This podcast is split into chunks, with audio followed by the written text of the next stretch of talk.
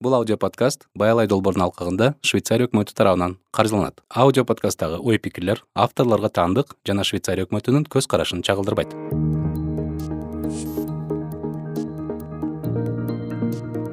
Салам достор. Элет эми өз уктурууларын улантат. Бүгүн бизде конокто аял ишкер айымдарынын координатору калдарова наргиза болмокчу. Наргиза саламатсызбы? Саламатчылык айтсаңыз наргиз кол өнөрчүлүк сизге каяктан келген? Саламатчылык кол өнөрчүлүк мага чоң энем менен өткөн кичинемде чоң энем кол машинасына тигип тикпе десе болбой качып барып тигип кайчы ийне жиптерин сындырып жоготуп ошентип жүрүп үйрөнгөм андан кийин илгери шырдак көп кылышчу чоң энем шырдак ойдуруп келип анан мынаны тигип көр деп үйрөтүп ошодон үйрөнүп кеткенмин. Башында шырдак менен баштагансыз? Ооба башында шырдак менен баштадым. Только шырдак менен гана кылып жүрдүм. Ал убакта мектеп кезинде окуп жүрүп анан жанаг сегизинчи тогузунчу класстар бал күзгү бал кышкы бал дегендерде бирөөлөрдүн шырдагын тигип берип кичине акча иштеп аябай сүйүнгөм. Биртке акча болсо да ал убакта аябай арзан нерсе бир шырдакты төрт жүз эки жүз дегенге бүтүрүп ал убакта чоң акча болчу. Ошондой кылып бүтүрүп сүйүнгөм.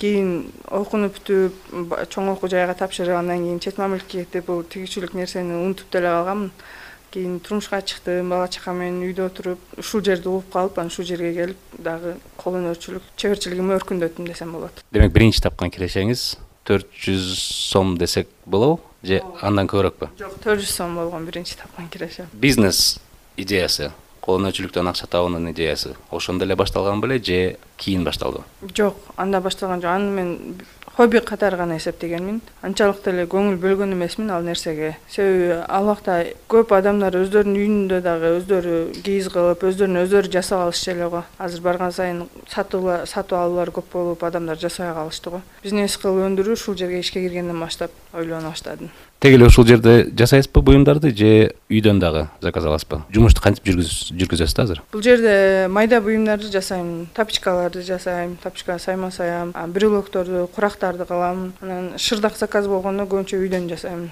Шырдакты түнү менен үйдөн жасап чыгам. Көбүнчө түнү кармаймын шырдакты. Бул жерде кечинде кала албагандыктан шырдакты үйдө үйдө тиккен оң болот э? Үйдө тиккен оң болот. Себеби балдарын тамак берип жаткызып коюп анан өзүмчө отуруп алып секин отуруп үйдө жасай берем. Буюмдарды тигип гана тек болбостон балдардын тарбиясына дагы үй бүлөгө камкордукка да жетишесиз. Ооба бар жогуна жетишкенге аракет кылам. Эң сонун айтсаңыз ушул иште тоскоолдук деген нерсе кыйынчылык деген нерсе кандай болот? Себеби мен өзүм жаныман каражат чыгарып иштебейм да бул жерде ишкана төлөп берет да бар жок нерсеничи ошон үчүн азыр мага тоскоолдук деле жок. Ишти мен баштайм дей турган болсом да мен да кол болом дей турган болсом. Вот мен үчүн эмнелер керек болот? Мен эмнени алышым керек эң биринчи бар жок нерсе барып барып каражатка такалат. Биринчи каражатыңыз болуш керек.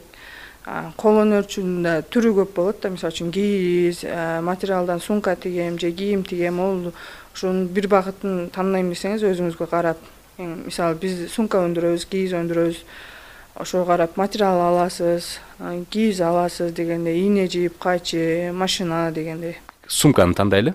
Мен сумка тигем дедим.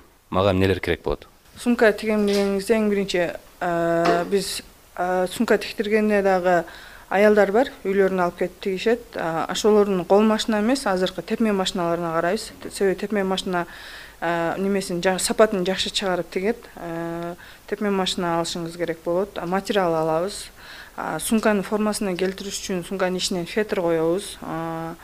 Сумкалардын боолору бышык болуш үчүн боолордун ичине флизелин чаптайбыз кнопка фурнитуралары керек болот. Кооздош үчүн азыр көп нерселер чыгып атпайбы кооздош үчүн ленталар бар оймо түшүрүлгөн материалдар бар дегендей ошолорду алып жасайбыз. Бирок ушул нерселердин көпчүлүгү азыр менин байкашымча силердин эмеңерде баардыгы өз колуңар менен жасаган нерселер экен.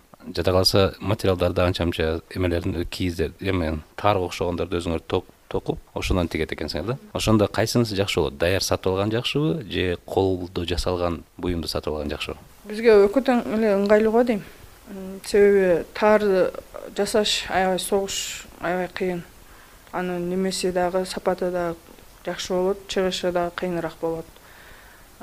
Көбүнчө бизге таардан көп заказ кылышат бирок аны жасаган аял бизде бирөө эле жетишпейт жетишпей калат өзүнүн убактысына карап гана чыгарып берет. Таардан тигилген сумкаларыбыз азыраак чыгып калат. Азыр эми алдык материалдын баарын алдык колубузда материал бар. Кийинки кадам мисалы буйртмалар кантип келет э, же буйртмага карабай туруп өзүбүз деле тиге берсек болор э, кандай кылып мен мисалы үчүн жаңы баштаган болсом мен эмне кылышым керек кийинки кадамым кийин азыр көп эле соц тармактар менен иштеп калбадыбы ошон үчүн мисалы үчүн өзүңүз жасайм десеңиз тигип тигип соц тармактарга киргизип жарыя кылсаңыз болот бизде деле ошондой. Соц тармактарга жарыя кылабыз анан маркетологубуз бар маркетологубуз аркылуу иштешебиз. Анан ошто номастор деген магазинибиз бар. Биз заказга деле карабайбыз чыгара беребиз. Ошто номастор магазинге жибере беребиз. Жакында бишкекте баяалай деген магазин ачылып атат. Ал жака да жиберебиз демек мен алып туруп уже өзүмдүн фантазияма карап же болбосо кайсыдыр бир адамдын табитине карап туруп тигип ал нерсени сунуштасам боло берет мисалга ушул сумкаларды өндүрүлгөн товарды сиздер канчадан сатасыздар орто эсеп менен? Мисалы сумкадан баштайлы. Орто эсеп менен э, мисалы үчүн полный каражаттарын эсептейбиз. Эсептеп келип мисалы үчүн мына сумка эле сегиз жүзгө сатабыз. Кичинекей сумканы сегиз жүзгө сатабыз. Чоңдорун миң эки жүздөн миң жарымга чейин сатабыз. Шырдактардын размерлерине карайбыз квадрат метрлерине карап квадрат метрин төрт миңден эсептеп сатабыз. Чоң заказ кылгандарга чоңураак кичине заказ кылгандарга кичинерээк кылып эсептеп сата беребиз баа кыргызстан менен чет өлкөгө бирдей элеби же айырмасы барбы бирдей эле. Себеби бул жерде именно бизден өзүбүздөн алып кете турган болсо бирдей эле баа менен кетет ошондо мага окшоп кол өнөрчүлүктү жаңы баштайм дегендерге сиздин сунушуңуз өзүңүз өзүбүз эсептеп туруп бааны өзүбүздүн чыгашыбызды актай турган бааны коюп туруп сатышыбыз керек туурабы? Ооба баары жогу эле ошондой кылат го дейм. Баары жогу чыгашасын чыгарып алыш керек го дейм. Бизнес ошосу менен бизнес да эки эсе кошулабы үч эсе кошулабы? Эки эсе үч эсе кошпойбуз. Эсептеп гана кошобуз. Сизден кол өнөрчүлүктү жаңы баштайм дегендерге үч сунуш кол өнөрчүлүктү жаңы баштайм дегендерге баштаңыздар. Аракет кылса бар жогу болот талыкпаган мээнет кылыш керек. Бул кол өнөрчүлүк. Эми азыр баары жогу эле ушул багатка өтүп калбадыбы колдон чыккан нерсе жакшы нерсе деп талыкпай эмгек кылыңыздар баштаңыздар аракет кылыңыздар демекчимин сизге рахмат чоң. Ишенем алдыда сизди чоң ийгиликтер күтөт. Биз болсо угармандарга дагы бир жолу айта кетели бүгүн бизде конокто калдарова наргиз эже болду. Алай ишкер айымдары коомдук бирикмесинин координатору. Ушуну менен бүгүнкү уктуруубуз аягына чыкты.